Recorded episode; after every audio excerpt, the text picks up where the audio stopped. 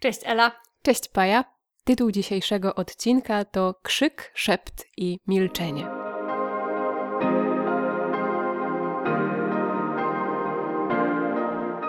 Cześć w kolejnym odcinku naszego podcastu. Prawda, że zarąbisty tytuł, Ela to wymyśliła i jak tylko to powiedziała, to ja pomyślałam sobie, tak, to jest dokładnie to, co spina nasze książki. Tak się dzisiaj składa, że mamy aż cztery.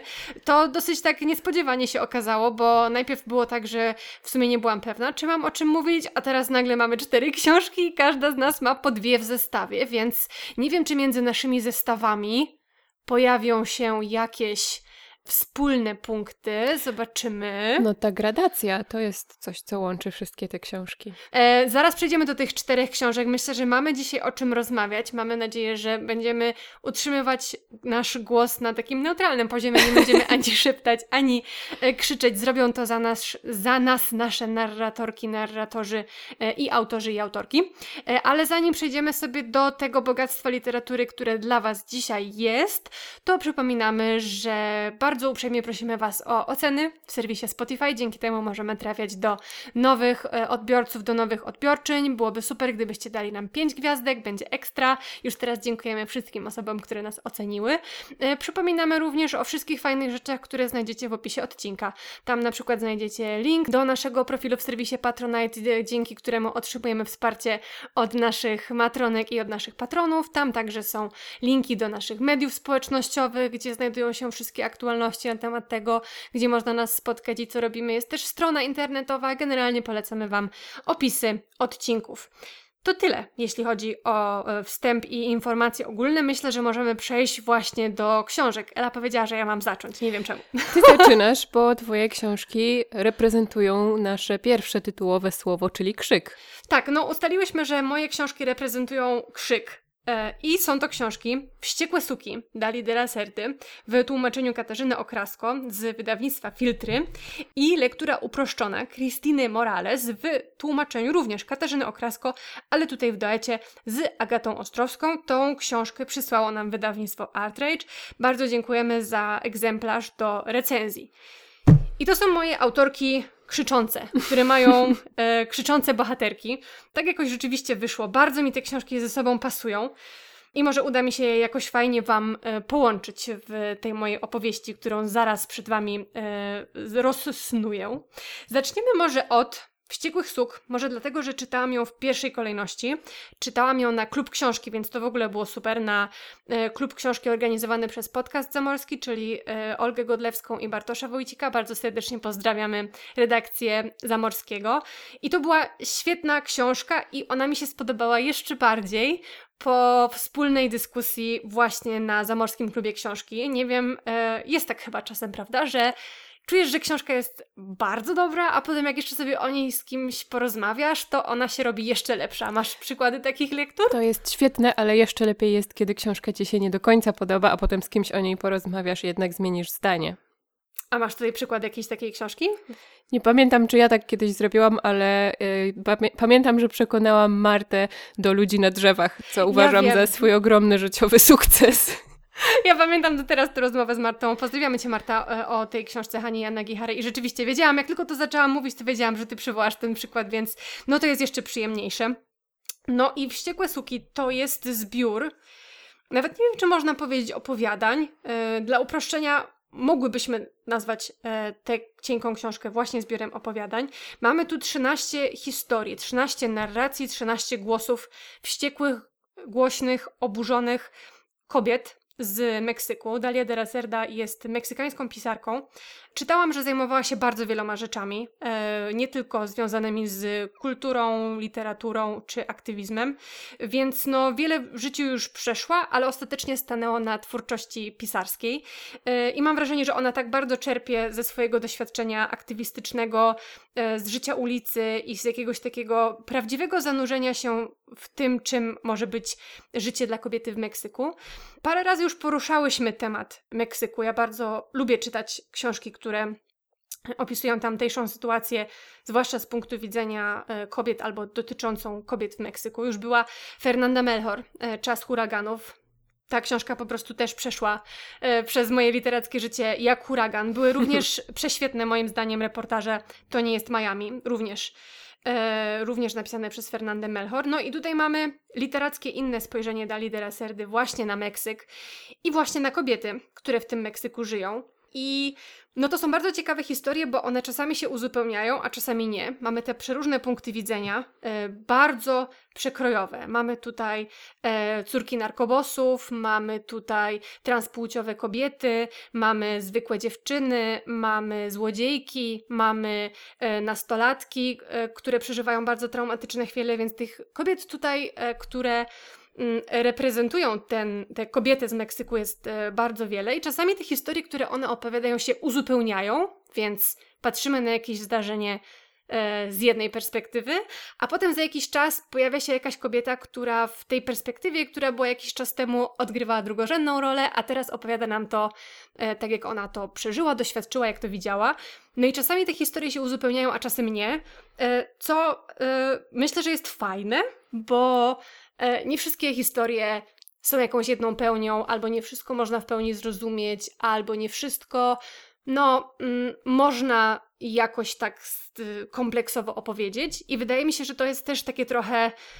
To nie jest symetryczne, to co się tutaj dzieje. Mamy, tych, mamy te 13 głosów z bardzo wielu różnych środowisk i z bardzo wielu różnych perspektyw i punktów wejścia, patrzących na różne problemy, więc tutaj nie ma żadnego rodzaju równości Dalia de la Serda nie obiecuje nam niczego konkretnego w tych opowieściach.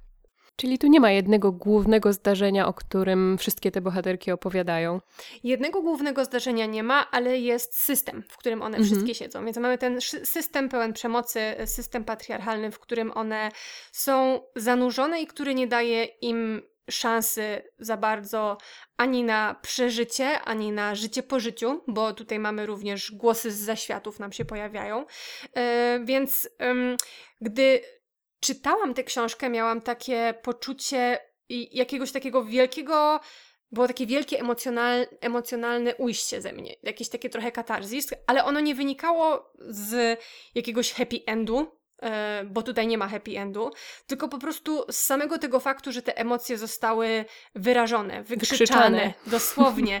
E, i dokładnie, bo myślę, że takim mm, głównym no to jest po prostu książka pełna kobiecej wściekłości, e, która ma swoje źródła w bardzo wielu różnych sytuacjach, których podstawowym źródłem właśnie jest ta e, patriarchalna opresja. I mamy tutaj zarówno kobiety, które znajdują sobie miejsce w tym e, męskim patriarchalnym świecie, bo mówiłam, że na przykład bohaterkami są tutaj e, córki narkobosów, które no po prostu korzystają z tego systemu, korzystają z tej przemocy, same dokonują tej przemocy, same no czerpią zyski z tego, jak ten patriarchalny świat jest urządzony, więc mamy kobiety, które po prostu wykorzystują to, jak ten świat działa i na czym stoi stoi, a mamy też te kobiety, które przez ten system zostają totalnie pognębione i które no nie, nie, nie ma dla nich miejsca i dla których nie ma nadziei nawet po śmierci, które nawet właśnie jeśli coś udaje im się osiągnąć, jeśli ostatecznie uznamy, że tak nazwiemy to, co się e, e, dzieje z nimi, no to nie jest to. E, nie przynosi to taką chwilową ulgę i to jest taka ulga w wymiarze jednostkowym. Tutaj nie ma jakiegoś kolektywnego zrywu, to są po prostu pojedyncze, bardzo e, trudne historie. Ale też, co jest ekstra i co chciałabym bardzo podkreślić w tej mojej recenzji tej książki, to to, że ten język e, Dali Serdy jest po prostu świetny I, uważam, że Katarzyna Okrasko, zarówno we Wściekłych Sukach, jak i w lekturze uproszczonej razem z Agatą Ostrowską, dokonała czegoś niesamowitego. Tutaj po prostu już Wam powiedziałam, że mamy bardzo wiele tych e, głosów e, z bardzo różnych e, klas społecznych, w różnym wieku, o różnym doświadczeniu, i ten język jest niesamowicie zniuansowany i przesycony lokalnością. I to można czuć, że nie tylko te głosy, które się tutaj pojawiają, są e, nacechowane emocjonalnie, korzystają ze slangów, ale właśnie każdy z nich czymś się wyróżnia i czuć tutaj niesamowitą swobodę e, Katarzyny Okrasko w kreowaniu tych narratorek, które, no, co jest bardzo ciekawe, każda ta narratorka do kogoś się zwraca, opowiada nam te historie. I możemy sobie pomyśleć, że one opowiadają te historie nam, ale bardzo często e, adresatem tych ich historii, bo one opowiadają, co się wydarzyło i często opowiadają to mężczyźnie, więc często tym e, odbiorcą e, tych wściekłych rantów jest właśnie, jest właśnie mężczyzna. I dużo rozmawialiśmy o tym właśnie na klubie. Czym jest ten zwrot do czytelnika, czy właśnie do tego tajemniczego mężczyzny, który słucha tych wszystkich słucha tych wszystkich e, historii. Mieliśmy bardzo wiele pomysłów na to, jak sobie można e, zinterpretować e, i czym jest właśnie ta opowiadana historia i czemu ona ma służyć e, i co może z nią zrobić odbiorca, więc myślę, że to jest bardzo fajna rzecz, nad którą każda e, czytelniczka i każdy czytelnik mógłby się pochylić. No ale właśnie super jest to, że Żadna z tych bohaterek, tak jak już powiedziałam, no stara się jakoś sobie w tym życiu poradzić, ale one nie są heroiczne i nie są doskonałe. Wręcz czasami odrzucają albo ich wybory pozostawiają wiele do życzenia, albo im współczujemy, więc to są naprawdę bardzo wyraziste, ostre komentarze na temat tego, jednostkowego ich doświadczenia, ale można oczywiście patrzeć też na te sytuacje kobiet w Meksyku szerzej, do czego myślę zachęca nas Dalia de la Cerda właśnie we Wściekłych Sukach. Trochę uprzedziłaś wszystkie moje pytania i już na nie odpowiedziałaś. A naprawdę? To się dobrze składa. Nie chciałam ci przerywać.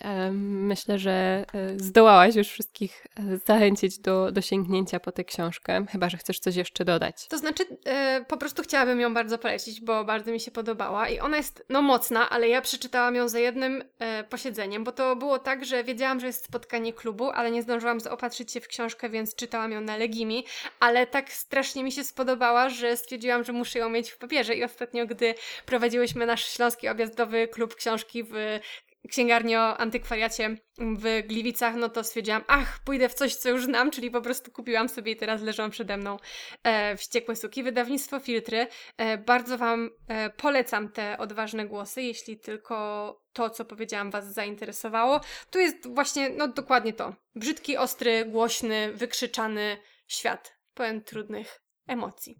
E, no i z tego może przejdziemy właśnie do lektury uproszczonej. To jest książka z kolei taka, którą ja skończyłam dwa dni temu i ciągle o niej myślę.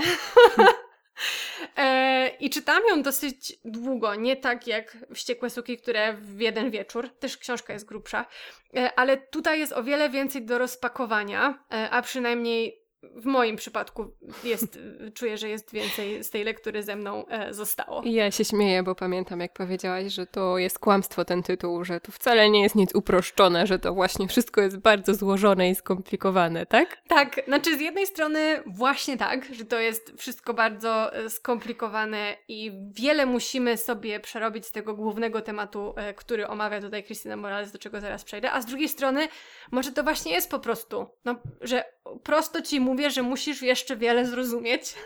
E, a tym tematem, e, do którego, mm, światem, do którego zaprasza nas Christina Morales, jest świat czterech głównych bohaterek, e, które są kobietami z niepełnosprawnościami.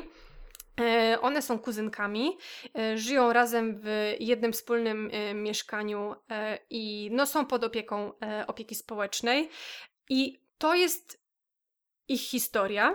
E, tego, co się dzieje, jak przyjeżdżają właśnie z e, ośrodka do e, Barcelony, by zamieszkać w tym mieszkaniu. I no tutaj dzieje się bardzo wiele, słuchajcie. po pierwsze, może zacznę trochę od konstrukcji tej książki, bo to myślę pomoże mi przejść e, trochę do, do tych tematów, które porusza tutaj Christina Morales, bo mamy właśnie te cztery bohaterki, one do nas przemawiają e, na cztery różne sposoby, tak uogólniając. Mamy e, Nati, która wszystko nam opowiada, ma bardzo wiele do powiedzenia, zresztą one wszystkie mają bardzo wiele do powiedzenia, e, która e, niepełnosprawność, stała się osobą z niepełnosprawnością e, jako osoba dorosła, więc ona ma ze sobą już życie jako osoba E, w pełni sprawna, e, no i później radzi sobie z tą niepełnosprawnością e, jako osoba dorosła, taka, która niemalże osiągnęła już wszystko w życiu, była na studiach doktoranckich, tańczyła i doznała wypadku i w ten sposób stała się osobą z niepełnosprawnością, więc ona nam bardzo wiele opowiada, uczęszcza na lekcje tańca i ma bardzo wiele przemyśleń na temat tego, co tam się dzieje i co osoby z niepełnosprawnością z tym tańcem robią. Potem mamy jej kuzynkę Angelę i ona z kolei pisze powieść e, pisze powieść o swoim życiu, starając się kierować wytycznymi dotyczącymi lektur uproszczonych. E, ona bardzo chce, żeby jej powieść, którą pisze dla wszystkich innych, spełniała wymogi lektury uproszczonej, czyli była łatwa w odbiorze i żeby była zgodna ze wszystkimi wytycznymi, jakie to wytyczne muszą spełniać teksty dla osób z niepełnosprawnościami, żeby były zrozumiałe i przejrzyste. Więc tutaj mamy tę lekturę uproszczoną Angeli, którą ona pisze na Whatsappie. Potem mamy e, Patty. E, Patty z kolei najczęściej przemawia do nas i przemawia jest bardzo ważnym tutaj słowem, bo Patty cierpi na słowotok, więc ona najczęściej przemawia do nas przez protokoły, które się odbywają. Tutaj jest jedna wielka sprawa, która się toczy w odniesieniu do jednej z bohaterek, no i przesłuchiwane są wszystkie, ale najczęściej czytamy protokoły spisane właśnie z przemówień Patty. E, no i mamy y, jeszcze Margę. E, Marga z kolei najczęściej pojawia się w protokołach spisywanych przez skłoterskie grupy anarchistyczne na spotkania, których uczęszcza. Więc mamy taki bardzo bogaty, tekstualny e, już świat. I to, co tutaj musiały zrobić Katarzyna Okrasko i Agata Ostrowska, to ja nie wiem po prostu. E, jak one przez to wszystko przebrnęły, zwłaszcza Nati. Nati, która po prostu, jej wypowiedzi, które są tak gęste, e, że, że czytanie ich jest czasami no, bardzo trudne i nie mogę sobie wyobrazić, jak wyglądała praca nad rozsupływaniem tych wszystkich trudnych myśli, które e, z Nati wychodzą. Pojawia się też zin. W środku tej książki jest zin, który opracowany graficznie jest genialnie więc po prostu wow, czapki z głów. Więc bardzo wiele dzieje się tutaj właśnie na poziomie tekstu i to wydaje mi się jest bardzo ciekawe. Już to bardzo wiele nam, myślę, mówi o tym, jak Christina Morales chce przedstawić nam swoje bohaterki jako osoby z niepełnosprawnością i w jakich kontekstach one się pojawiają i jakie ograniczenia są na te osoby narzucane. Już właśnie jak sobie na przykład spojrzymy na kwestię tej lektury uproszczonej i na historię, która na historię którą chce nam opowiedzieć e, Angela, która która pisze ją właśnie w sposób uproszczony, bo tak powiedziano jej, że w ten sposób najlepiej trafi do e, potencjalnych odbiorców, czyli osób z niepełnosprawnościami, którym ona przede wszystkim chce opowiedzieć, e, co się działo z nią i z jej kuzynkami w ośrodkach zamkniętych, e, a działy się tam straszne rzeczy. Więc mamy już to takie ograniczenie językowe, formalne, do którego ona próbuje się jakoś wpasować, bo takie zostały narzucone jej ramy, że w ten sposób zostanie zrozumiana. A ona bardzo chce zostać zrozumiana. Mamy oczywiście te protokoły, znowu mamy osobę z niepełnosprawnością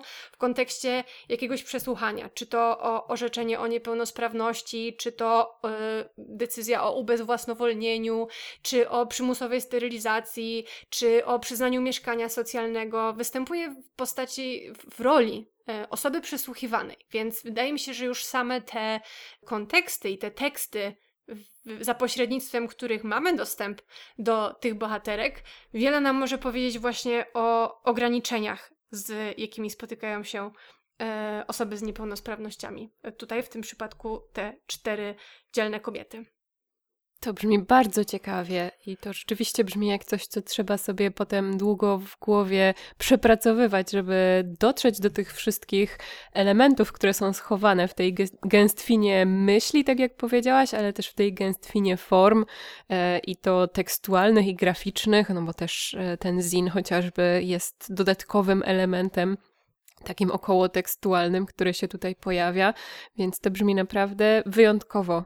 Tak, to była też e, raz trudna lektura, bo e, wiele się tutaj działo na poziomie tekstu, ale ona też jest bardzo e, cielesna. Myślę, że to jest taka druga rzecz, która jest dla mnie takim filarem. Raz ta tekstualność i różne formy i ograniczenia tego tekstu, a dwa cielesność, czy to seksualność, czy to właśnie taniec. Myślę, że moimi ulubionymi fragmentami były te fragmenty, gdzie mm, Nati uczęszcza właśnie na y, zajęcia z tańca, w których to uczestniczą y, inni podopieczni różnych ośrodków wraz ze swoimi opiekunami. I to co tam się działo i przemyślenia, które Nati miała na temat właśnie tego, co się dzieje, co każą jej robić instruktorzy tańca, co się wtedy dzieje z ciałem, jakie to ciało ma ograniczenia, jak e, ono, to niepełnosprawne ciało wchodzi w kontakt z innymi ciałami z niepełnosprawnością. Tutaj działo się bardzo dużo i bardzo wiele e, jest powiedziane właśnie na temat tego, gdzie są te granice i czy one są naprawdę, czy y, może w ogóle trzeba by było przestać myśleć w takich kategoriach jak granica, tylko patrzeć bardziej na możliwości. I teraz, jak w to wszystko wpisują się właśnie na przykład opiekunowie, którzy z jednej strony no, e, ograniczają tę wolność. Mowa jest też bardzo wiele o wykorzystywaniu różnego rodzaju, czy to jakiejś naiwności, czy wykorzystywaniu ekonomicznym także, e, więc no, bardzo wiele pytań tutaj pada w kontekście też ciała i tego, gdzie te osoby z niepełnosprawnością są wpuszczane, co tam robią, jak się je traktuje, więc po prostu czacha dymi. No i tak sobie jeszcze patrzę tutaj na, na notatki, które e, zrobiłam, które są e, bardzo oszczędne w sumie, e, a przecież w tej książce e, jest bardzo wiele, ale myślę, że to jest dla Was do e, rozpakowania. A jeszcze sobie tutaj zapisałam e, Barcelona. Właśnie, Barcelona jako miasto i myślę, że to, ta książka jest też takim bardzo ciekawym komentarzem. no, w, w, Hiszpanii miał miejsce ten ogromny kryzys mieszkaniowy i Cristina Morales, mam wrażenie, trochę jeszcze się z tym kryzysem rozpoczęła rozprawia i trochę go analizuję, bo bardzo dużo tutaj też jest właśnie, no mamy anarchistów, squattersów, więc dużo tutaj jest w ogóle o przestrzeni i o mieście, jakim jest Barcelona i o tym, kto tam mieszka i o pustostanach i o turystach i o tym, kto zajmuje tę miejską przestrzeń, już nawet wychodząc poza te główne bohaterki, kobiety z niepełnosprawnością, tylko po prostu patrząc na mieszkańców Barcelony, kto e, właśnie mieszka w tych mieszkaniach, komu wolno e, zająć jakąś przestrzeń, ile to kosztuje, czemu to jest takie drogie, e, jak działa w ogóle Urząd Miasta i politycy w mieście i co robią z tą dostępnością mieszkań, e, to wydaje mi się, że też, też jest taki bardzo ciekawy punkt widzenia, który można sobie z tej książki tak wyłapać. W ogóle czym jest miasto? Dla ludzi, zwłaszcza takie miasto takie, takie duże turystyczne jak Barcelona. To mnie bardzo interesuje. Wspominam teraz książkę, tylko popraw mnie, jeśli pomylę tytuł Ludzie z Placu Słońca. Tak, tak. E, którą też polecałyśmy wam kiedyś w podcaście i która... Aleksandry Lipczak. Aleksandry tak. Lipczak, która też poruszała temat właśnie mieszkalnictwa, kryzysu mieszkalnego e, i również miasta Barcelony i tego, co tam się działo, kiedy e, do władzy doszła nowa burmistrzyni. E, więc to było wtedy, kiedy to był ten moment, kiedy ja się bardzo tym e, tematem zainteresowałam i myślę, że gdybyś wcześniej mnie nie przekonała do lektury uproszczonej, to to byłby ten dodatkowy element, który by mnie do tego przekonał. Bo... Naprawdę? Przekonałam cię? Tak, Ojeju, tak. Przekonałaś mnie wielokrotnie. E, to się bardzo cieszę. Tak jak mówię, ona, ta książka ma taki dosyć wysoki e, próg wejścia z wielu różnych, e, z wielu różnych powodów, a przynajmniej tak, tak, tak miała dla mnie. Dużo tutaj też jest o seksualności i czasami to były dla mnie trudne fragmenty, ale, ale, ale myślę, że to wszystko właśnie mnogość tych y, różnych sfer, które tutaj porusza y, Christina Morales, to wszystko ma swoje uzasadnienie właśnie y, jako taka, no, świetnie napisana literatura zaangażowana, moim zdaniem, bo literacko, właśnie biorąc pod uwagę mnogość tych e, rzeczy, które się tutaj dzieją w języku, to jest naprawdę coś monumentalnego. E, więc znowu, jeszcze raz, Katarzyna Okrasko i Agata Ostrowska Brawo, super duet. E, dziękujemy wydawnictwu Artrage za przysłanie nam tej książki e, i polecam Wam do zapoznania się z tymi dwiema książkami wykrzyczanymi moimi. No to czyli przechodzimy do szeptu. Przechodzimy do szeptu. Powoli. Powoli, tak. Ela, kto tam u Ciebie szepcze? Ja mam dla Was Stary książkę znajomy. starego znajomego Sebastiana Barego po stronie Kanaanu w nowym tłumaczeniu Katarzyny Makaruk i to też jest książka, którą przysłało nam wydawnictwo Artrage, więc ponownie bardzo dziękujemy za ten egzemplarz recenzencki. E, no właśnie, to jest nowy przekład, bo ta książka już ma właściwie swoje lata. Po raz pierwszy się ukazała po angielsku w 2011 roku i w 2015 pojawiło się pierwsze polskie tłumaczenie. No ale teraz po niemal 10 latach mamy nowy przekład Katarzyny Makaruk. I możemy się znowu zapoznawać e, z kolejną książką Barego. Słuchajcie, Ela się tak cieszy. No cóż to udawać, że ja nie... Jeśli, ja, jeśli chcecie, żeby Ela była szczęśliwa wydawcy, proszę wydawać Sebastiana Barego, a żeby Sebastian Bary pisał, więc... No właśnie, więc no ja nie będę udawać, że nie kocham Sebastiana Barego, bo, bo kocham. E, ale postaram się Wam trochę więcej powiedzieć o, o tej książce i o tym, dlaczego ona mi się tak podobała. No i właśnie dlaczego ją przyporządkowałam do tego szeptu w, w tytule. Bo wydaje mi się, że w przeciwieństwie do tych Twoich bohaterek, które piszą albo zwracają się do kogoś, albo do, wręcz do wielkiej grupy ludzi, e, tak tutaj mamy Lili, główną bohaterkę, która ma już 89 lat, więc większość życia ma za sobą i która postanawia um, spisać swoje wspomnienia, spisać swoją historię, pchnięta do tego zresztą um, bardzo tragicznym wydarzeniem, jakim jest śmierć jej wnuka, którym się um, opiekowała.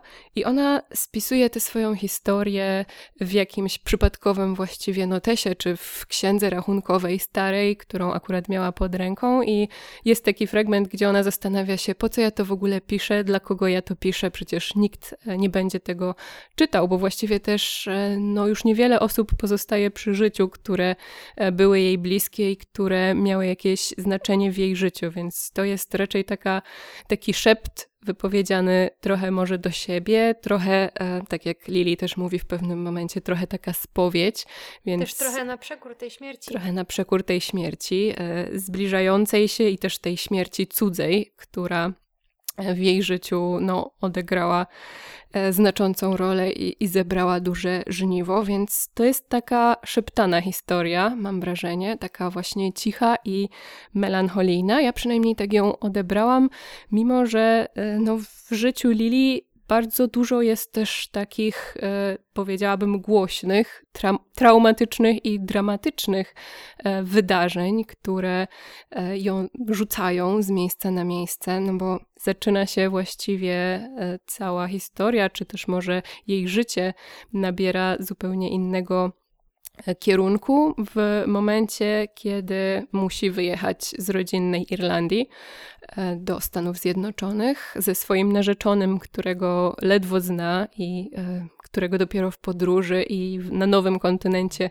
zacznie poznawać lepiej, a musi wyjechać e, ze względu na konflikt trwający w Irlandii i ze względu na to, że zostaje oskarżona o opowiedzenie się po niewłaściwej stronie przez pewnych ludzi, którzy chcą się zemścić na jej narzeczonym i na wszystkich, którzy są z nim związani. Więc e, Początkowo tak sobie pomyślałam, że to jest trochę taka książka, która też pokazuje, jak e, przypadkowe jest czasami to, po której stronie barykady my się znajdziemy, właśnie e, zwłaszcza w takim konflikcie wewnątrzpaństwowym, który, który trwa i który jest trochę chaotyczny i którym nikt nie steruje. W mm. którym wszystko się dzieje na szybko, nikt tak. nie decyduje z, roz, z rozwagą, bo po prostu nie ma na to czasu, tak? Tak, tak. I, i ta przypadkowość, no, no, wpływa na e, całe życie i na całą kolej losu tej, e, tej kobiety, no, która w Stanach Zjednoczonych musi sobie na nowo ułożyć życie, znaleźć jakieś swoje miejsce i raz po raz je znajduje, mimo że y, te dawne wydarzenia za nią się ciągną i e, no, śledzą ją w pewien sposób, idą za nią i, i kolejne tragedie z tego wynikają. Mhm. No, ja, ja chciałam tylko powiedzieć, że nie wiem, jakoś wydaje mi się to takie. Jakoś wydaje mi się to takie przejmujące, że mamy tą taką cicho, cichą historię starej kobiety, która spisuje to w sumie trochę byle gdzie. A ile powiedziałaś ma lat? 89. No właśnie, 89. I, i, I to, co powiedziałaś, że jest ta wielka historia i te ogromne wydarzenia, zarówno no, to, co się wydarzyło w jej prywatnym życiu w ciągu tych 89 lat, ale też ile się wydarzyło na świecie, zwłaszcza jeśli mówimy właśnie o emigracji z jednego kraju do drugiego. I jakoś tak wydaje mi się to takie bardzo takie poruszające. I czułe. Nie wiem, tak tylko chciałam powiedzieć.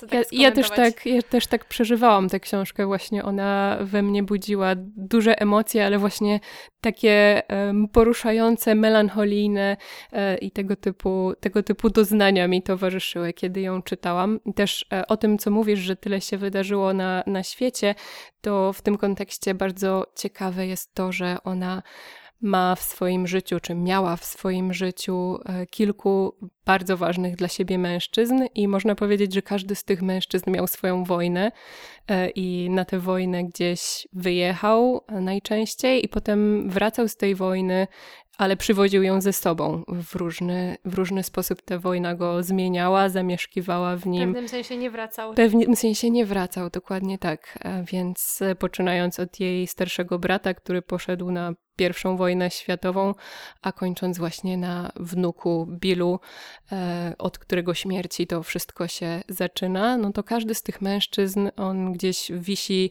e, jako fotografia przedstawiająca właśnie człowieka w mundurze na ścianie w jej mieszkaniu i te wszystkie wojny, e, które były gdzieś daleko i na których ona sama nie była oczywiście, one wpływają na, na, kształt, e, na kształt jej życia i na jej najbliższych, więc e, ta wojna właśnie jako taki stały element świata i ludzkiego życia, to myślę, że tutaj można by powiedzieć, że to jest taki motyw przewodni, zwłaszcza, że dwukrotnie w tej książce pojawia się Iliada Homera, która zostaje właśnie wręczona komuś e, jako taki upominek, prezent na drogę, który ma właśnie zapoznać cię z tym światem wojny i, i z tym, jak ta wojna wygląda od zarania dziejów. Taki I kodeks trochę. Taki Teraz kodeks sobie wojenny. Brać, to ci daje przewodnik. Tak jest. Tak, tak.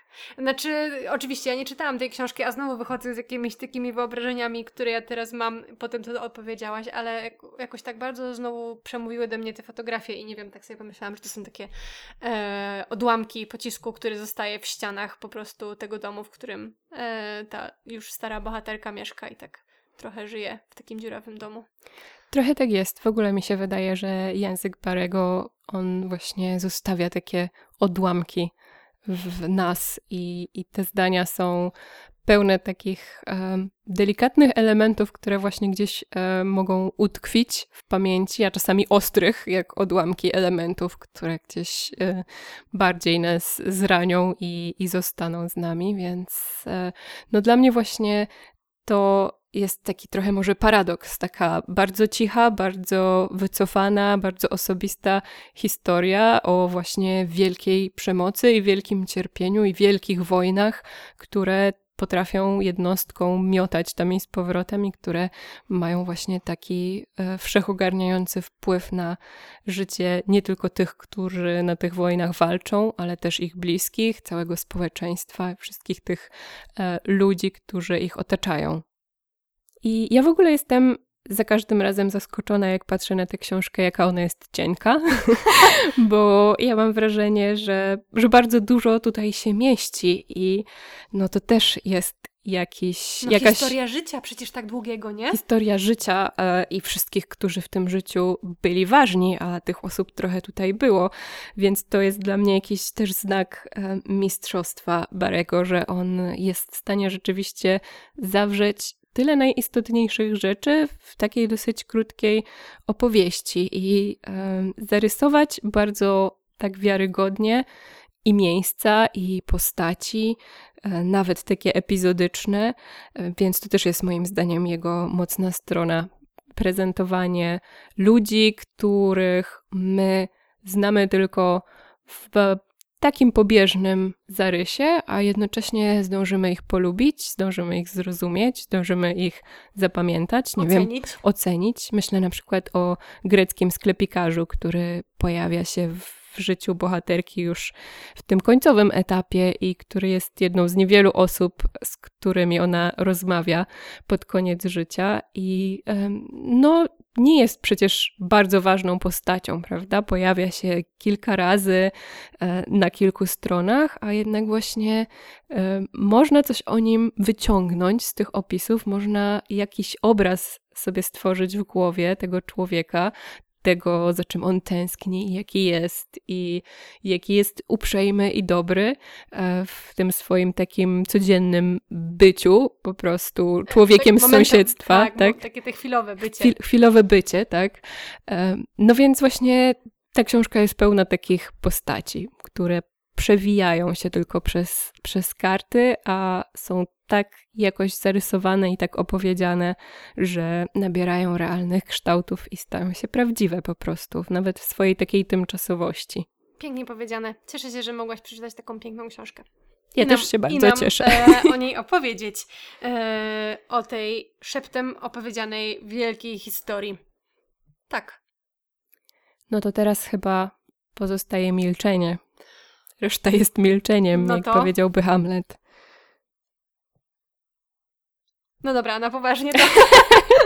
A na poważnie to opowiem to wam. dopiero e, przeciekawa recenzja książki. E, teraz po prostu możesz powiedzieć tytuł, e, kto napisał, kto przetłumaczył i minuta ciszy. Mogłoby tak być, ale nie wiem, czy się oprę pokusie opowiedzenia wam o tej książce, e, bo to jest taka książka zaskoczenie, książka niespodzianka właściwie. E, a mowa o um, powieści Ucieczka Karla Frodego Tillera e, w przekładzie Katarzyny Tunkiel, którą niespodzianie, niespodziewanie przesłało nam wydawnictwo poznańskie już jakiś czas temu e, i ta książka sobie leżała i czekała na swoją kolej. I ja muszę powiedzieć, że Paja od razu powiedziała, że ta książka mi się spodoba. Tak, ja to czułam. Słuchajcie, ja wzięłam tę książkę do ręki i ja nawet nie za dokładnie, bo to zwykle ja, ja nie czytam za dokładnie, co jest napisane z tyłu. Na przykład czytam tylko pierwsze zdanie i myślę, o, dobra. Więc ja po prostu nawet tak pobieżnie po prostu pewnie spojrzałam i jakoś tak poczułam, nie no Ela, to jest książka, która Ci się spodoba. I w pewnym momencie nie wiedziałaś, co czytać i ja trochę zaczęłam Ci ją, mam na, wrażenie, na siłę wciskać, ale byłam naprawdę przekonana, że to będzie fajne. I tak było. Jest. Bardzo mi się ta książka spodobała i dlatego właśnie opowiem o niej, zamiast uczcić ją minutą ciszy. Mam nadzieję, że uda mi się trochę o niej opowiedzieć i o tej oryginalności formalnej stylistycznej, która tutaj się e, przejawia. Ja mam wrażenie, że już ta okładka się wpisuje w tę oryginalność. Bardzo. już wiem, na czym, na czym ta oryginalność polega, no ale powiedz, powiedz. Tak, bardzo się wpisuje e, w ta okładka też. Wszystko tutaj się wpisuje i łączy i właśnie to jest e, taka cecha charakterystyczna tej książki. Ale może zanim przejdę do formy, to zacznę jednak od krótkiego zarysu fabularnego, inaczej niż ty, może mi się tak będzie łatwiej opowiadało. E, więc tutaj mamy, nawet nie chcę powiedzieć historię, bo tutaj um, całe te, wszystkie te wydarzenia właściwie, mimo że mamy oczywiście retrospekcję, ale ta główna rama czasowa zawiera się w jednym dniu i jednej nocy, czyli dzieje się to w Wigilię Bożego Narodzenia też jest bardzo znaczące. E, mamy tutaj małżeństwo, które właściwie jest w separacji e, po tym, jak stracili swojego jedynego syna, e, ale na tę wigilię właśnie decydują się spotkać i spędzić ją razem. No i to jest właśnie nasz główny zarys e, fabuły. Oczywiście w miarę jak ta fabuła się przed nami rozwija, to dowiadujemy się coraz więcej na temat tego, co wydarzyło się w przeszłości, przed śmiercią tego dziecka, po śmierci tego dziecka, z trzech różnych perspektyw. No i tutaj zaczynamy dochodzić właśnie do tego, jak to jest opowiedziane, bo Tutaj na tej okładce, o której Paja wspomniała, e, są klawisze fortepianu albo pianina w takiej dziwnej spirali, które się łączą i splatają ze sobą. To może być też klatka schodowa. To taka. może też być tak, klatka schodowa, po której się wspina albo się schodzi w dół. Myślę, że pole do interpretacji jest, e, jest szerokie. No ale ta książka właśnie jest bardzo muzyczna. I e, ja sprawdziłam, że Karl Frode Tiller też jest z wykształcenia muzykiem, i tutaj e, myślę, że to bardzo widać. E, nasza główna bohaterka też jest muzyczką i często gra na fortepianie.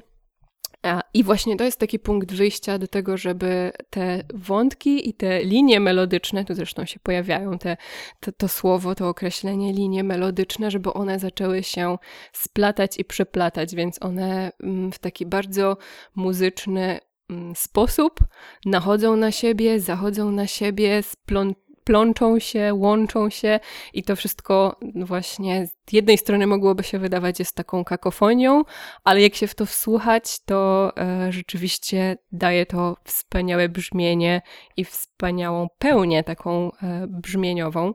E, mamy oczywiście fragmenty, które są pisane taką bardziej uporządkowaną prozą, ale potem są właśnie te, w których coś się zaczyna dziać. Zresztą sami bohaterowie też są tym zaskoczeni, nie wiedzą, co się z nimi dzieje, dlaczego tak się dzieje, że oni nagle patrzą innymi oczami, cudzymi oczami, widzą cudze doświadczenia, oglądają jakieś sceny ze swojej przeszłości albo z cudzej przeszłości, więc e, mamy właśnie e, te niesamowite splatanie się różnych doświadczeń i różnych e, wątków. Myślę, że Potem pozwolę sobie przeczytać jakiś fragment, e, żebyście miały i mieli okazję posłuchać, jak brzmią te fragmenty, właśnie, które najbardziej przypominają nam muzykę, która trochę może się nawet zerwała z pewnej uwięzi.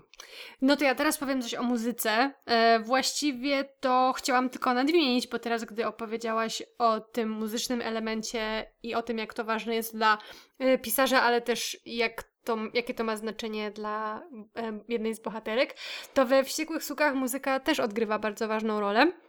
E, bardzo często tam po prostu się pojawia e, muzyka e, z barów, fragmenty piosenek, mm. te dziewczyny słuchają tej muzyki, ona jest bardzo ważna, jest taniec, e, śpiewanie, wysyłanie sobie utworów, muzyka też tutaj e, jest, stanowi taki bardzo ważny element tego e, głośnego, pełnego hałasów, krzyków, strzelaniny, e, agonii e, hałasu, który wypełnia strony wściekłych suk, więc to tylko tak w ramach uzupełnienia i jakichś takich punktów wspólnych e, między tymi książkami. Nagle właśnie mi się przypomniało o tym, jak ta muzyka no, jest bardzo ważnym elementem tła właśnie u Dali de la Serde. Czyli muzyka z literaturą też się nam splatają w tym, w tym odcinku właściwie. Tak, muzyka, literatura, no bardziej u, tutaj u Christine Morales był taniec. Tam nie tyle chodzi o, o to, jaka muzyka jest puszczana, tylko bardziej o ruch, więc tutaj z kolei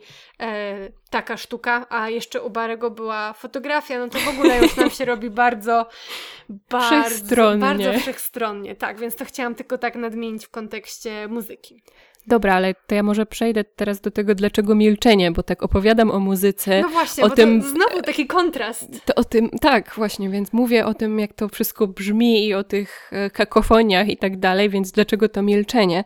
E, no więc e, Chciałam opowiedzieć trochę o tym bardziej zwyczajnym e, aspekcie tej książki, czyli oprócz tego, kiedy dzieją się te dziwne rzeczy i kiedy te postaci właściwie się na siebie nakładają i splatają ze sobą i wcielają w siebie nawzajem, to poza tymi momentami mamy tutaj sceny z takiego bardzo zwyczajnego życia, to znaczy naznaczonego oczywiście tą tragedią, ale właśnie rozgrywają się w takiej codziennej scenerii, czyli e, ludzie rozmawiają ze sobą we własnej kuchni, w salonie, ktoś idzie z matką do kawiarni, ktoś e, idzie odwiedzić matkę, która namawia go, żeby zjadł zupę, więc takie rzeczywiście to są e, bardzo codzienne, bardzo prozaiczne sytuacje.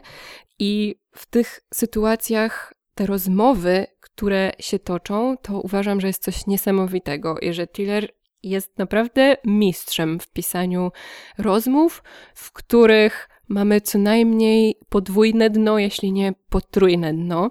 I w tych rozmowach właśnie pobrzmiewa milczenie i pobrzmiewają te wszystkie rzeczy, które nie zostają wypowiedziane. Ja tutaj e, na samym początku już zaczęłam zauważać, czy ci ludzie cały czas się uśmiechają i zastanawiałam się, dlaczego oni się tyle uśmiechają. I właśnie im dalej czytałam, tym bardziej byłam przekonana, że to jest absolutnie świadomy zabieg ze strony autora, żeby pokazać, ile rzeczy ci bohaterowie pokrywają uśmiechem, i to jest albo uśmiech cyniczny, albo ironiczny, albo nieszczery, albo właśnie maskujący coś zupełnie innego, albo e, jakiś wręcz taki oskarżycielski, czyli zobacz, zmuszasz mnie do uśmiechu, kiedy ja tak naprawdę czuję coś całkiem innego, więc e, tutaj tych uśmiechów jest cała masa, a bardzo niewiele jest e, radości i e, takich szczerych powodów do, do zadowolenia, więc ta gra uśmiechem jako jakimś takim narzędziem, e, którego my używamy w bardzo różnych celach, jest e, niesamowita. I oprócz tego dużo tutaj jest dialogów, które kończą się e, właśnie w taki sposób co? I odpowiedź brzmi nic. I tym, w tej króciutkiej wymianie zdań zawsze rozgrywa się cała masa rzeczy, czyli właśnie wszyscy wiedzą, o co tak naprawdę chodzi, wiedzą, dlaczego odpowiedź brzmi nic i dlaczego to nie zostało wypowiedziane. I bardzo dużo tu jest sytuacji, które właśnie rozbijają się o to, że powiedziała coś tam, chociaż myślała co innego, a on spojrzał na nią i wiedziała, że wie, że ona ma na myśli tamto pierwsze, ale postanowił puścić jej to płazem i nic nie skomentował, więc znowu ta e, cała maskarada nabiera kolejnych wymiarów i znowu nie zostaje poruszone to, co powinno zostać poruszone. No więc to jest taka książka, gdzie, gdzie dużo jest tego milczenia i gdzie to milczenie jest tak naprawdę bardzo głośne. To jest super ciekawe, ale ja też sobie tak pomyślałam, nie wiem, czy tutaj też tak jest, bo powiedziałaś o tym aspekcie milczenia, yy, za którym coś się kryje, ale też po prostu, że i o tych sytuacjach e, codziennych, w których mają miejsce i mówimy sobie różne rzeczy, żeby tak naprawdę zapełnić przestrzeń i nie mówić o tym, o czym mhm. trzeba porozmawiać, ale też, że po prostu może tym postaciom po prostu się nie chce gadać, jakby nie chcemy rozmawiać, jakby po prostu uśmiecham się, bo tak naprawdę wcale mi się nie chce czasami, z tobą gadać. Czasami może tak być, nie chce im się mówić o tym, co, co należałoby powiedzieć w tym momencie, a a nikt nie ma na to siły, albo nikt nie ma na to odwagi. Zresztą czasami później dochodzi do tego, że ktoś wreszcie wyciąga jakiś trudny temat i go porusza, i te rozmowy wcale też się nie kończą dobrze i nie toczą w sposób przyjemny, więc e, znowu ucieczka w milczenie jest tak. najprostszym rozwiązaniem. Ale znowu te pasyw agresji, nie, nie chce mi się teraz o tym gadać, albo nie chce mi się o tym gadać. To znaczy, że znowu, e, nie tyle, że naprawdę mi się nie chce o tym rozmawiać, ale też, że trzeba było o tym porozmawiać wcześniej, prawda? Więc znowu ten, e, ten cały mechanizm bycia pasywno-agresywnym, co widzę, że tutaj jest wykorzystane w taki bardzo ciekawy, psychologiczny i wielowarstwowy sposób. Tak, tak, zgadza się. I e, myślę sobie, że właśnie cała ta historia jest niesamowicie opowiedziana i ona się trochę składa z banałów, jeśli mogę tak powiedzieć, ale to Już jest... o tym mówiłaś, prawda? Tak. O tych histori- w sensie o tych zdarzeniach z życia codziennego. Tak, ale mam na myśli teraz inne banały, e, takie, które mm, może trochę się łączą z tego typu tragediami. Może to e, nie jest coś, co, co ktoś chciałby usłyszeć na temat swojej historii, ale często jest tak, że e, kiedy wydarza się jakaś tragedia, to reakcje na nią są bardzo przewidywalne i można by powiedzieć właśnie, że to jest banał, ale tutaj te banały też się na siebie nakładają i za jednym banałem kryje się inny banał i my stopniowo odkrywamy te warstwy kolejnych banałów i wszystkie te banały są prawdziwe. Zresztą też parę razy bohaterowie mają tego rodzaju przemyślenia albo mówią to wprost, że jakąś tam myśl wyrażają i że może to być banał, ale to też jest prawda. No i tak często bywa w życiu, że coś, co już stało się banałem, jest też ciągle prawdziwe, ponieważ stało się banałem tylko dlatego, że ciągle się dzieje i ciągle się sprawdza i ciągle się powtarza. No więc mamy tutaj ten banał rodziców, którzy stracili dziecko i się od siebie oddalili, ale jeśli się nad tym e, głębiej pochylimy, zobaczymy inny banał, czyli rodziców, którzy tak naprawdę obwiniają się za śmierć e, tego dziecka, i to jest to, co im spędza sens powiek i sprawia, że tak trudno im sobie z tym poradzić. No i można pomyśleć, że obwiniają się niesłusznie, ale jak się zacznie w tym grzebać, to znajdzie się inny banał, czyli to, że oni tak naprawdę wiele, w wielu przypadkach nie dostrzegali inności swojego dziecka i tego, jakie potrzeby ono miało i co mogli tak naprawdę zrobić. Może nie po to, żeby uratować mu życie, bo to nie o to chodzi, ale co mogli zrobić, żeby poprawić mu to życie, dopóki to dziecko było z nimi. Więc te proste właśnie pytania, one się jedne za drugimi odsłaniają. No i właśnie, czy na końcu jest jakaś odpowiedź, tego wam nie zdradzę. Nie odpowiesz. nie odpowiem. No to już po prostu Powiem Ci, że też mnie przekonałaś. Y, bardzo, na bardzo ciekawe historie składają się te nasze książki powiedziane, czy to wykrzyczane, czy to przemilczane, albo wygrane jakąś y, subtelną lub kakofoniczną melodią.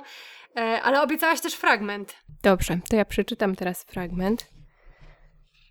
Tak jak mówię, no trudno mi się było zdecydować, ale to będzie ten fragment właśnie z tych dziwniejszych i z tych kakofonicznych. Palce biegały po klawiaturze i klawiszach, a ja siedziałam na stołku przy pianinie i grałam. Grałam kołysząc ciałem w przód i w tył, jak ortodoksyjny Żyd modlący się przed ścianą płaczu do Boga Wszechmogącego. Wierzyć to uznać swą małość w obliczu Boga. Wierzyć to ugiąć się przed przemocą, to ćwiczyć umieranie. To dokładnie to samo, co grać. Również grać to ćwiczyć umieranie. Oddać się, zdjąć cumę i wypchnąć się na wodę. Puścić i dołączyć do innych. Pozwolić sobie spaść, więc spadałam, spadałem coraz szybciej i dźwięk, który brzmiał jak trzepot skrzydeł, tak naprawdę był uderzeniami rękawów mojego swetra, bo nie byłem teraz ptakiem, byłem człowiekiem i spadałem, spadałem. Wielki biały kamień zbliżał się coraz bardziej, chodnik był coraz większy, rósł przede mną, a kiedy trafiłem w asfalt, spadałem dalej i w tym upadku ujrzałam, jak klawisze odrywają się od pianina i wracają do słoni na sawannie. Ujrzałam, jak drewno oderwało się i skupiło w olbrzymie dęby górujące w lesie, a ja zagłębiałem się w las coraz bardziej i gdzie teraz byłem? Gdzie wylądowałem? Co to był za las? Zgubiłem się, ale się nie zatrzymałem. Szedłem tylko dalej. Szłam i szłam, grałam i grałam. Szłam i gubiłam się w grze. Nie myślałam, nie chciałam myśleć. Nie podczas gry. Chciałam być tam, dokąd zabiorą mnie dłonie. Uciec w muzykę, za słowa i z dala od nich. Chciałam, by muzyka mnie pochłonęła. Chciałam być w muzyce. Porety, ile tu się wydarzyło w tym fragmencie. Prawda? Po pierwsze, jeśli chodzi o tą narrację i tego zmieniającego się narratora, raz ona i raz on, no i ta muzyka i ten obraz y, w sumie śmierci, to co zostało ze mną po tym, co teraz przeczytałaś, mhm. to jednak mimo wszystko śmierć. Y, nawet ten instrument, prawda? Tak. Te słonie, tak. które no nie, e, musiały umrzeć, żeby zostały wykonane z nich klawisze, tak. i te drzewa, które musiały umrzeć, żeby zostało z nich e, wykonane pudło fortepianu. Więc, I też taka bardzo gwałtowna w sumie, mm bo to uderzanie w te klawisze i jakaś taka właśnie, tak jak powiedziałaś, ta kakofonia i ten pęd i ten zbliżający się asfalt i to parcie przez te drzewa, które, tak jak powiedziałaś, trzeba ściąć i te słonie, które trzeba zamordować, żeby zrobić z nich te klawisze, więc naprawdę taki przejmujący obraz jakiegoś takiego zniszczenia. Trochę autodestrukcji też, nie? Nie wiem, to kiwanie się w przód i w tył, jakaś mhm. taka taki trans i hipnoza, strasznie dużo do rozbierania tutaj jest moim zdaniem, a przecież przeczytałaś tylko, nie wiem, pół akapitu. No właśnie, a tutaj właśnie dużo jest też tych takich momentów, które powracają w różnych e, fragmentach, w różnych kształtach, właśnie to kiwanie się, o którym wspomniałaś, wiele razy się pojawia, można by napisać esej na temat roli kiwania się w tej książce. Ja bym o... wolała, żebyś napisała ten uśmiechu najpierw. Najpierw napiszę ten uśmiechu, a potem się zastanowię nad słoniami i tak dalej, i tak dalej.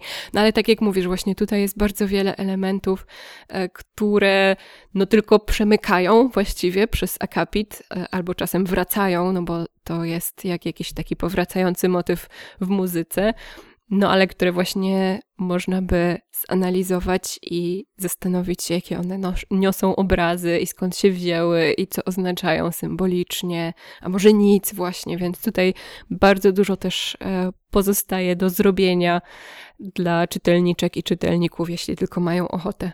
Wow, super. No ja bym miała ochotę. Yy nie wiem kiedy to zrobię, ale wszystko, e, wszystko przede mną i wszystko przed, ma, przed Wami, drogie osoby słuchające. Dzisiaj zostawiamy Was z, z czterema książkami, tak jak ostatnio. Trochę się rozgadałyśmy, ale wiele było tutaj do powiedzenia na tematy przeróżne, czy to na tematy osób z niepełnosprawnościami, przemocy względem kobiet e, i osób z doświadczeniem kobiecości w Meksyku, czy to śmierci w rodzinie e, na tle różnych wydarzeń historycznych, czy w małych, banalnych sytuacjach życiowych.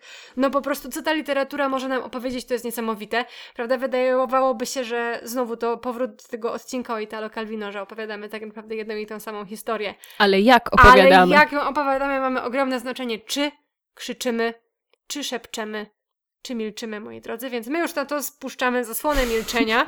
Nagadałyśmy się już dzisiaj, zostawiamy Was teraz z e, ciszą e, i z przemyśleniami na temat tych e, czterech książek. Bardzo dziękujemy Wam za uwagę. Jeśli tylko macie ochotę, wpadnijcie na nasze media społecznościowe, zostawić po sobie swój ślad. I to wszystko na dzisiaj. Dziękujemy Wam bardzo. Do usłyszenia za dwa tygodnie. Do usłyszenia.